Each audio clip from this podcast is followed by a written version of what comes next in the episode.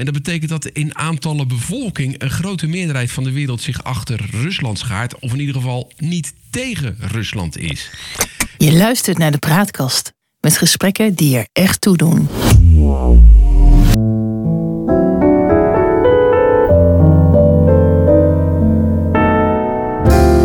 Welkom bij de Praatkast.nl. Dit is een aflevering van het Geheugenpaleis.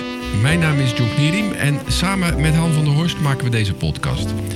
De geschiedenis die herhaalt zich nooit, maar rijmen dat doet hij vaak wel. En dat gegeven gebruiken we in het Geheugenpaleis om dieper in te gaan op de actualiteit.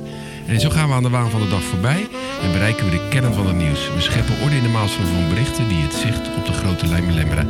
En tussen beiden blijkt dat de werkelijkheid vaak genoeg elke fantasie te boven gaat. John, jij wilt het hebben over het verval van het uh, morele leiderschap van de Verenigde Staten, zoals je dat noemt. Ja, ja. Dat doe je in relatie tot de Oekraïne. En je hebt me nog eens verteld dat uh, bij de laatste ja. stemming in de VN over de oorlog zoveel uh, landen zich van stemming onthielden of uh, tegenstemmen toen het erom ging Rusland ja. te veroordelen. En dat heeft ja. je aan het denken gezet. Wat, uh, ja, wat, leid je er dan uit af? Ja, nou ja, vorige, vorige maand is er een, een resolutie geweest om de oorlog in Oekraïne te stoppen. Uh, zeven landen die stemden tegen. Nou ja, natuurlijk Rusland en Wit-Rusland, Noord-Korea, zeg maar Syrië. Dat zijn de usual suspects, zou maar zeggen. Maar wat ik eigenlijk nog belangrijker vond, is dat 32 landen zich uh, onthielden van stemming. Waaronder China, India, Zuid-Afrika, Iran. En daarna ook nog een aantal Zuid-Afrikaanse landen. En dat betekent dat in aantallen bevolking een grote meerderheid van de wereld zich achter Rusland schaart. Of in ieder geval niet tegen Rusland is. En ik heb daar wat over gelezen. En een van de argumenten die, die daarbij gehanteerd wordt, is dat men in dat soort landen eigenlijk niet begrijpt dat uh, de Verenigde Staten wel allerlei legale en illegale invallen kan doen in landen. En dat van Rusland dat niet geaccepteerd wordt. En dat vinden die mensen een beetje raar. En ja, mijn stelling is dat de interventies die, die de Verenigde Staten in de afgelopen 30 jaar heeft gedaan ertoe hebben geleid uh, dat ja, men nu vindt, ja, je moet je mond houden als het over Oekraïne gaat. Uh, en dan met name denk ik bijvoorbeeld aan de illegale inval in uh, Irak. Daar zouden zogenaamd massavernietigingswapens zijn. En nou ja, dat bleek gewoon een valse claim te zijn. En ik herinner me nog het beeld in de algemene vergadering waar Colin Powell, de toenmalige minister van Buitenlandse Zaken, zei: Ja, we moeten een inval doen, want anders gaat de mensheid ten onder. En die stond gewoon glashard te liegen. Ja, en dan denk ik. Dan verlies je beetje bij beetje uh, het morele gezag om iets van anderen te vinden. Wat, hoe, hoe zie jij nou, dat? Nou, wat jij uh, constateert is juist en ook veel ouder dan uh, die 30 jaar. Want ik herinner mij nog wel ja. dat in de Koude Oorlog je een groot aantal niet gebonden landen had. En die verenigden zich op een conferentie die Sukarno in 1956, geloof ik, had georganiseerd in Bandung. Ja. En een van de grote sprekers daar was Tito, de dictator van uh, Joegoslavië. En die kwam met een term voor die niet gebonden landen, de derde wereld. Oh, komt dat daar ja, vandaan? Dat is eigenlijk heel politiek. Van wij kiezen niet tussen de Sovjet-Unie en de Amerikanen, maar we gaan onze eigen weg. En we zoeken ja. uh, ons nationaal belang. Ja. Maar goed, in, in, in deze tijd denk ik dat, dat, dat met name wat er zomaar die afgelopen 30 jaar gebeurd is. En dat de jongere generaties herinneren zich dat allemaal. Ja, die, die zeggen van uh, uh, Amerika, je moet gewoon je mond houden in het Westen. Jullie hebben allerlei dingen gedaan die ook niet rechtmatig waren. Dus begin nou niet te zeuren over de Oekraïne. En bovendien, in de aanloop naar die, de revolutie in Oekraïne in 2013-14... had de Verenigde Staten ook nog een actieve rol daar uh, in, het, uh, in het land. Dat weten niet zoveel mensen, maar dat is natuurlijk wel gebeurd. Ze hadden een hoge mate van betrokkenheid en uh, bij, bij, ja, bij die, zeg maar, die revolutie die daar heeft plaatsgevonden. En waar Jan, Januk, Janukovic uiteindelijk ja, de, de kuierlatten nam omdat hij eh, het een beetje te heet onder de voeten werd. Dus er zijn mensen die zeggen, ja, de Verenigde Staten ligt gewoon aan de basis van die revolutie die daar heeft eh, plaatsgevonden. Over interventies gesproken op een bepaalde manier. En daarnaast is de NAVO ook steeds maar uitgebreid naar het oosten toe, zonder dat Rusland eh, nou eigenlijk veiligheidsgaranties kreeg. Voordat ik nou hier afgemaakt word door de community als een, een Poetin-versteer dat, dat, dat, wil ik, dat ben ik niet. En ik, die Poetin moet zo snel mogelijk uit de Oekraïne weg. Mijn stelling is alleen, we hebben boter op ons hoofd. Uh, boter op ons hoofd hebben we zeker. Wat geen reden is, uh, denk ik, om onze houding ten opzichte van de Oekraïne te veranderen. En om uh, nee, niet. ons feitelijk bondgenootschap wat minder sterk te maken. laat dat duidelijk zijn. Aan de andere nee. kant moeten we wel beseffen dat wij als westerse landen, en dat geldt met name overigens voor de Verenigde Staten, dat wij als westerse landen in de rest van de wereld helemaal niet zo verschrikkelijk populair zijn. In Zuid-Amerika nee, gelden wij Europeanen als een soort gringo's, net als de Amerikanen. Die kan je niet vertrouwen en die halen streken met je uit. Die sturen bijvoorbeeld de CIA uh, naar je toe. En, dan, en die ja. brengen dan Pinochet aan de macht. Of die brengen ja. een president, Arbenz, ten val in Guatemala. Omdat die braakliggende landen, braakliggende landen van de United Fruit Company, dat is Chiquita-bananen, uh, aan arme boeren wilden geven. Dat gebeurde in 1954, maar dat is echt niet vergeten. En evenmin de invasie in de Dominicaanse Republiek... toen daar een meneer Juan Bos de verkiezingen had gewonnen. En dat was een soort Joop den Uyl, mind you. Met andere woorden, Amerika heeft gewoon een hele lange geschiedenis uh, van uh, zijn vinger stoppen in allerlei zaken waar ze eigenlijk uit ja. zouden moeten blijven. En uh, ja, dat, dat, dat gaat nu dan tegen Amerika, maar ook tegen het Westen werken. En zeker in, in, ja, met, met, zo'n, met die verschuivende uh, zeg maar geopolitieke verhoudingen, met zo'n opkomend China, met, met landen als India en Brazilië die, die meer zelfvertrouwen krijgen. Ja, dan ga je dit soort dingen ja, de, uh, krijgen, denk ik. Mag ik jou meenemen naar de wereldtentoonstelling ja. in Chicago in 1892?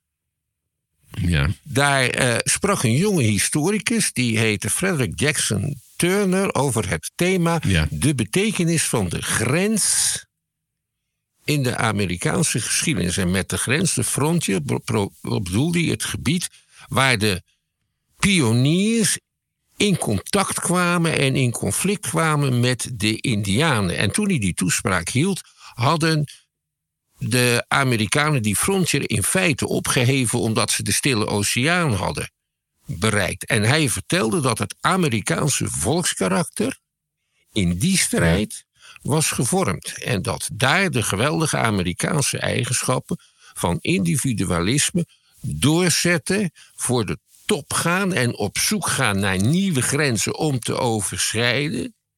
Ja, dat die Hmm. daar waren gevormd. Daar is de man heel beroemd van geworden. En hij werd over, tenslotte hoogleraar aan Harvard, hoewel hij nooit meer iets van betekenis heeft gepubliceerd. Maar dit heeft verschrikkelijk veel indruk gemaakt. En dat is Mhm. nogal geïnternaliseerd, die gedachte. In de, in de leiding in de Verenigde Staten. En je ziet ook dat ze steeds die grens opzoeken. En bereid zijn om erg ver te gaan. De grote escalatie in de oorlog in, eh, in Vietnam was gebaseerd op iets dat heette Tonkin-incident. Eh, Vietnamese schepen zouden een Amerikaans oorlogsschip hebben af, eh, aangevallen. Volstrekt verzonnen. Net als de massavernietigingswapens van, van Saddam Hussein. Ja, en die Vietnamoorlog die speelde zich in de zest, eind 60 begin 70 jaren af.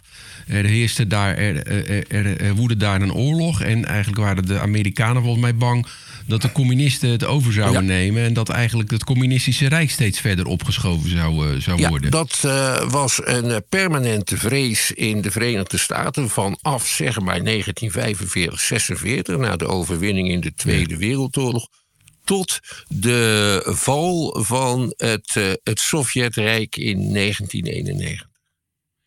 Er zijn overigens, uh, herinner ik me nu, allerlei notulen van uh, vergaderingen van het, uh, het politbureau of weet ik veel wat voor comité in, de, in de Sovjet-Unie openbaar geworden. En, en daar viel uit af te leiden dat er eigenlijk helemaal geen sprake was van het uitbreiden van het, het, het communistische gebied. Maar ze wilden wel beschermen wat ze hadden. Ja, uh, dus ja. dat lijkt een beetje ook op de strijd die er uh, nu is, waarbij uh, Poetin zegt: ja, Amerika die, die schuift steeds verder op. Um, en en ja, een beetje zo'nzelfde strijd. daar lijkt ja, het ik denk dat Poetin heeft het vak natuurlijk geleerd bij de KGB, de Russische geheime ja. dienst. Hij was chef van het bureau in Dresden in de DDR, daarom spreekt hij ook zo goed Duits. En hij heeft die oude gedachten uh, nog steeds in zich. En nou, een van de ja. dingen waar de Sovjet-Unie altijd in geslaagd is, is dat ze zich militair en technisch veel sterker wisten voor te doen dan ze in feite waren.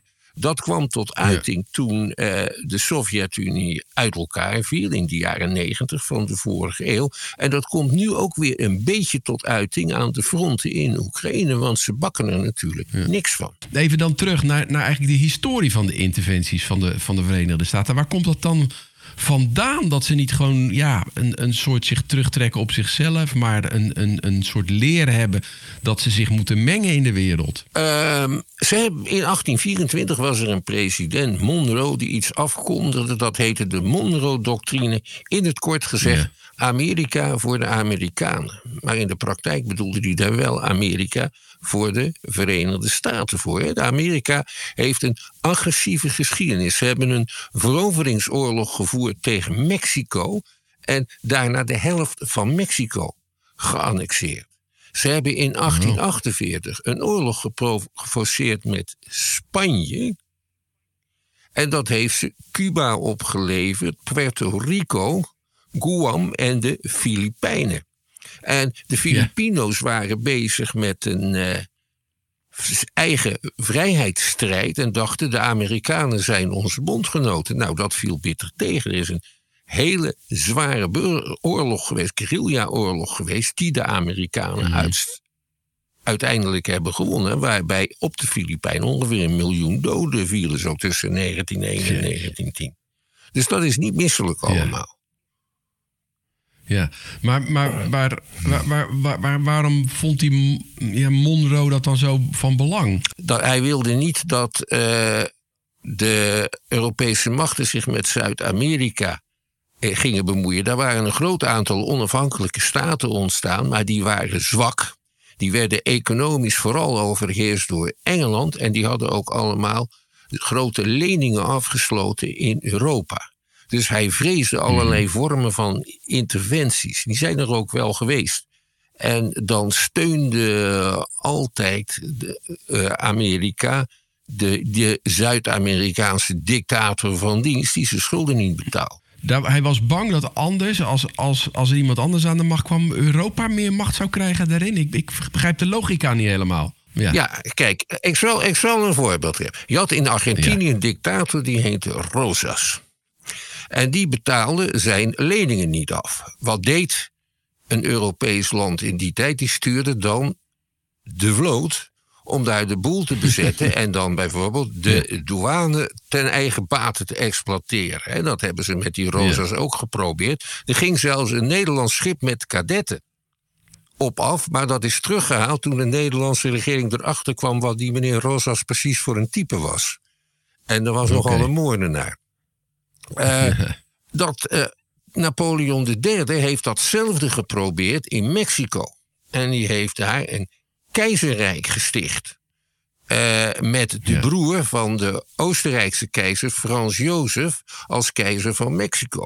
Toen hebben de Amerikanen steun verleend aan de Mexicaanse vrijheidsstrijders onder leiding van hun president Juarez. En die hebben gewonnen. Mm -hmm. En daarna is de keizer doodgesloten, deze Maximiliaan. Waarom? Omdat hij het verdomde om te vluchten. Terwijl Juarez hem alle kans gaf om te verdwijnen, maar hij deed het niet. Uh, en zo zijn er nog wel meer van dit soort interventies. En dat heeft ook vaak inderdaad te maken met incasseren. De Amerikanen deden dat zelf wel. Je had een president, Theodore Roosevelt, niet Franklin Delano van de Tweede Wereldoorlog, maar een andere. En die zei: Spreek zachtjes, maar heb een, heb een dikke stok bij je. Uh, en en wel, waarom zei hij dat? Uh, nou, dat was het principe van zijn buitenlandse beleid vriendelijk praten, maar ondertussen wel. Uh, Stok als het fout ging. Ja, ja, ja. ja maar had dat ook iets te maken met het feit dat, dat de Verenigde Staten zelf een kolonie is geweest uh, van, van Engeland? en, en, en ze daarom ja, niet meer daarmee geconfronteerd wilden worden met, met, een, met een, ja, een, een, een, een overheersing van de Europeanen? Eerder het omgekeerd.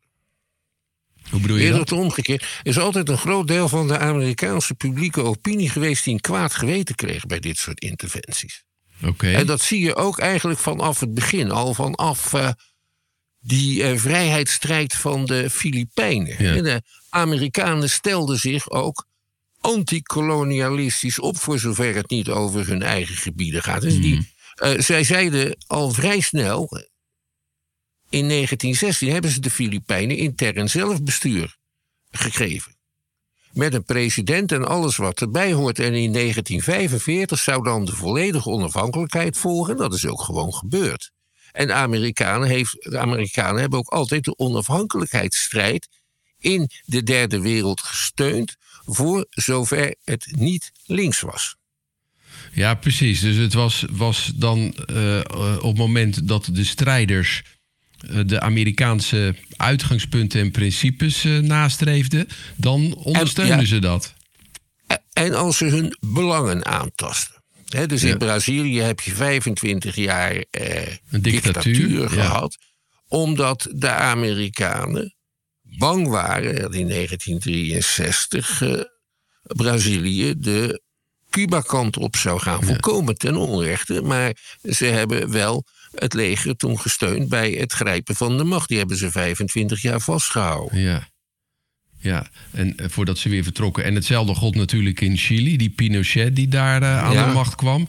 En, en, ja. en toen waren ze de Amerikanen het op een gegeven moment zat. Toen hebben ze gezegd, nou moet je maar vertrekken. En dat gebeurde vervolgens toen ook. Ja, en kijk naar Nicaragua, naar de Contra's.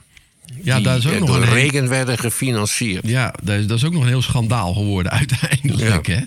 Ja, ja, want het, het, het loopt ook van schandaal naar schandaal en op illegale ja. wijze. En nogmaals, en dat pleit voor de Verenigde Staten, er is altijd een grote interne oppositie. Tegen dat soort dingen.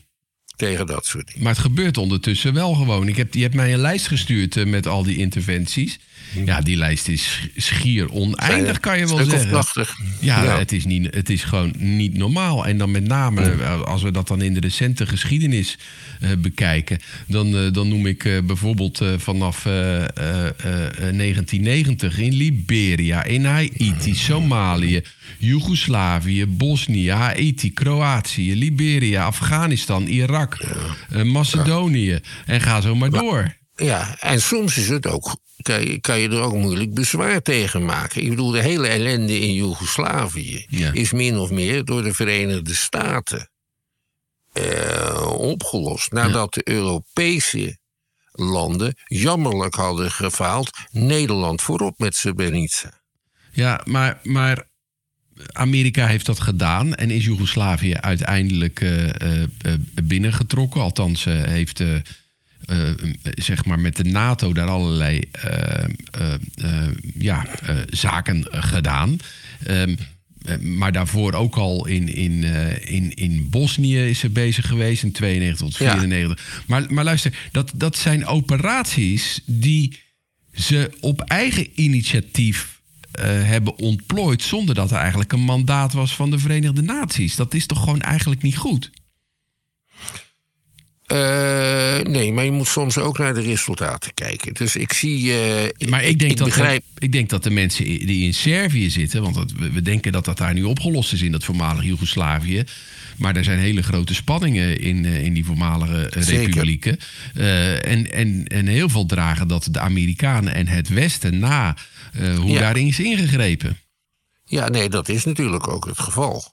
Eh, die Serviërs eh, zijn uiteindelijk de grote verliezers geweest van het uiteenvallen van Joegoslavië. En ze houden er daarnaast ook nog een vorm van nationalisme op na die eh, voor de buren vervelend kan zijn. Ja. Ze baseren hun nationalisme op een roemrijke nederlaag.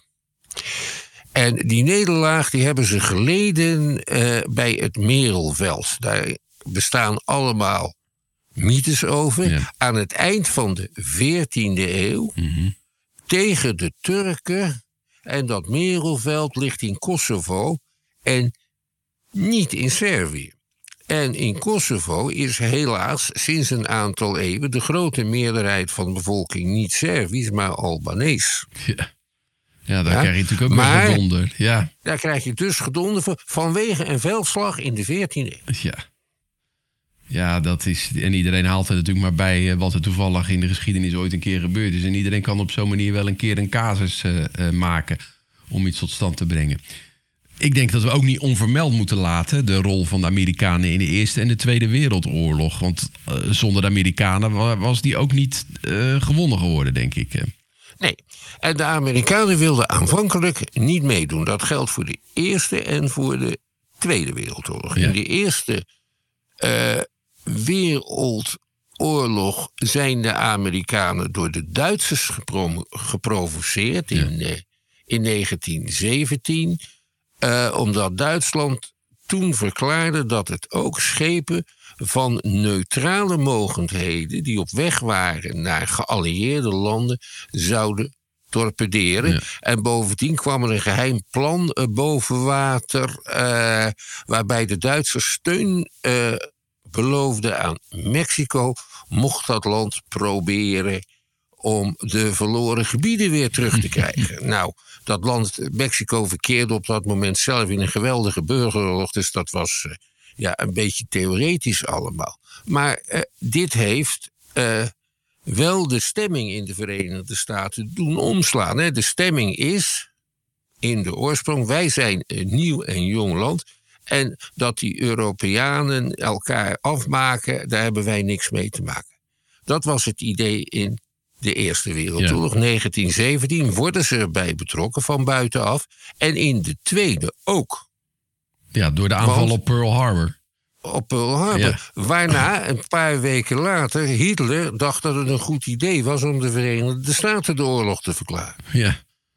En toen werden ze er zo ingezogen, als het ware. En toen werden ze er op die manier ingezogen. En toen, als ze er eenmaal in, in eh, gezogen zijn, dan gaat de frontiermentaliteit werken. En dat betekent dat, dat Amerika binnen een half jaar het arsenaal van alle geallieerden was, inclusief de Sovjet-Unie. Ja. Met jeeps, met vrachtwagens, met tanks. En dat waren niet van die goede tanks. De Duitsers bouwden betere tanks. Maar het waren er wel heel erg veel. Ja. En in de Eerste Wereldoorlog is eigenlijk ook zoiets gebeurd. Dan komt er een heel groot leger. De Duitsers dachten, dit is geen probleem... want die Amerikanen krijgen toch niet voldoende soldaten... de oceaan over op schepen. Maar het waren er meer dan een miljoen. En binnen een paar maanden. Ja. En ze vochten wel slecht, want ze hadden weinig ervaring. Maar het waren er wel een miljoen. En de Fransen en de Engelsen en de Duitsers... die lagen al drie jaar in, die, eh, in de loofgraven. En dit waren frisse troepen. ja. En toen namen ze het zo over. Dus in die zin eh, zijn we de Amerikanen ook wel veel dank eh, eh, verschuldigd. Ja. ja. laten we daar ook helder over zijn. eh. Ja, het is ook een verrassend, Ja. heel verrassend leger, ook een corrupt leger. In de, bij de, als je slim was in Nederland in 1945 zaten de Amerikanen zaten in Limburg en zo. Dan kon je eh, met de juiste contacten voor 1500 gulden wel een jeep ritselen en zo. ja, ja, ja. Ja, goed, dat is... En dat, dat, er is een heel beroemd boek, dat heet Catch 22. Eh, dat gaat over de oorlog in Italië, een roman van Joseph Helle. Maar, eh, en dat is allemaal heel erg uitvergroot. Maar dan zie je ook hoe er enorm gehandeld wordt door die Amerikanen. ja. In wapens en eh, allerlei dingen waar je met als leger aan kunt komen. Maar zou je kunnen zeggen dat hun positie in de Eerste en de Tweede Wereldoorlog... een doorslaggevende rol bij het, eh, het, het, het verslaan van, eh, van Duitsland... Ja, dat ze dat een bepaalde morele status heeft gegeven, bepaalde Ja. superioriteit. Ze hebben ook de Verenigde Ja. Naties bedacht. Maar dat ze na die tijd eigenlijk geen goede successen meer hebben gehad. die door de Nee. hele wereld gedragen worden. Ja, je hebt een Amerikaanse radiojournalist en historicus, Stud Sterkel... die interviewde veteranen van de Tweede Wereldoorlog... en dat boek, dat heette The Good War. In tegenstelling tot de andere oorlog. Vietnam, eh, Korea in een aantal opzichten. Ja. Met andere woorden, ze hebben het, dat, dat krediet wat ze hebben opgebouwd. zo in de loop van de tijd eh, eh, verspreid.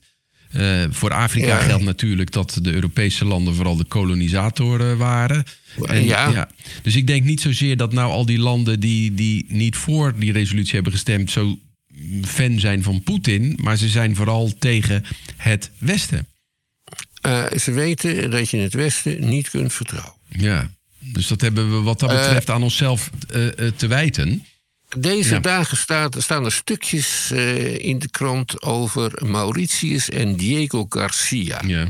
Diego Garcia is een klein eilandje in de Indische Oceaan waar nu hele grote legerbases zijn. En in de jaren 60 van de vorige eeuw zijn de bewoners van die, van die eilanden, dat waren er ongeveer 1500, gewoon het eiland afgezet. Ze mochten niet eens hun eigendommen meenemen. Nu hebben ze daar in Engeland wel een kwaad geweten over, want het was een Engels eh, kolonie, dat eilandje. En, eh, eh, men, en, en nu zijn de nazaten van die bannelingen willen terug. Ja. En zeggen we willen geen schadevergoeding, we willen terug, het is ons eiland. En als we dan nou even, even naar Taiwan kijken. Hè? Dat is een, een provincie van een afvallige provincie van China, zo wordt dat gezien. En Ja. China zegt, nou ja, dat moet weer in de, de, de, de- verenigd worden met het, met het moederland. Ja. Eh, wat is dan het belang van de Verenigde Staten om, om Taiwan zo te steunen? Er was een burgeroorlog in China tijdens de Tweede Wereldoorlog. En daarna en daarvoor ook al. Ja. Tussen de communisten van Mao Zedong en de nationalisten van Chiang eh, Kai-shek. Ja. en zijn vrouw. En, Chiang, en die kliek rond Chiang Kai-shek had erg goede contacten met de Verenigde Staten. Ja. Via missionarissen. Want in het kader van die frontiermentaliteit waren Engelse of Amerikaanse zakenlui missionarissen erg in China bezig. Eh, en Chiang Kai-shek was dus de man van het Westen.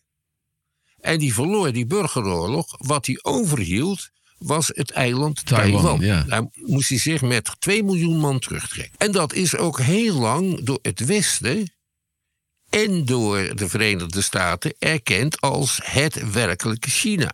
Ja. En dat betekent bijvoorbeeld dat Chiang Kai-shek die had een veto in de Veiligheidsraad, want dat was het erkende China. ja.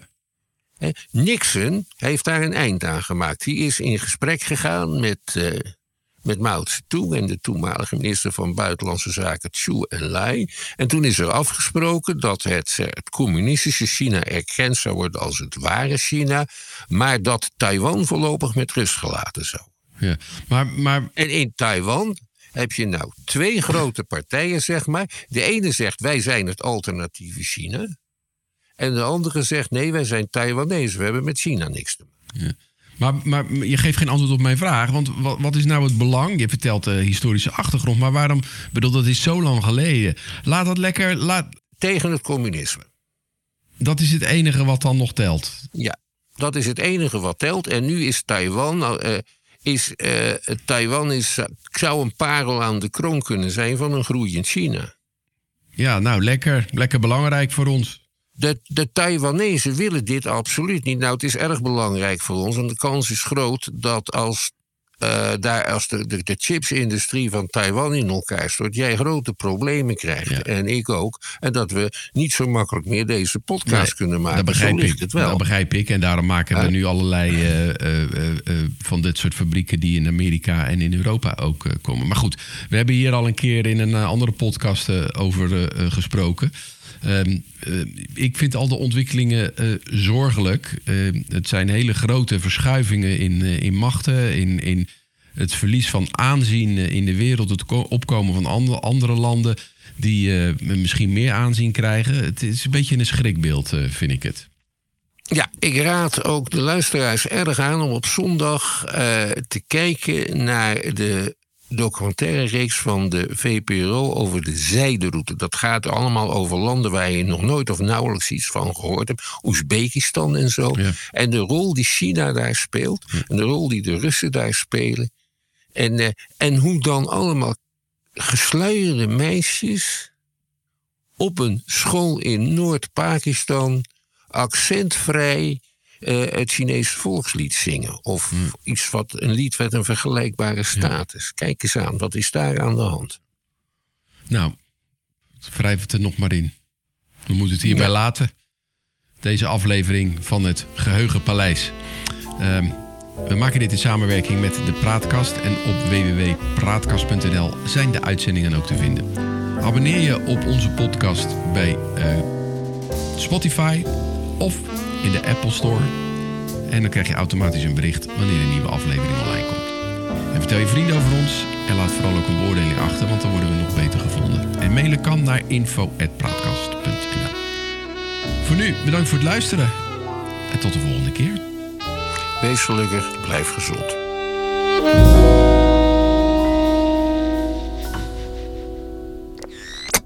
De Praatkast.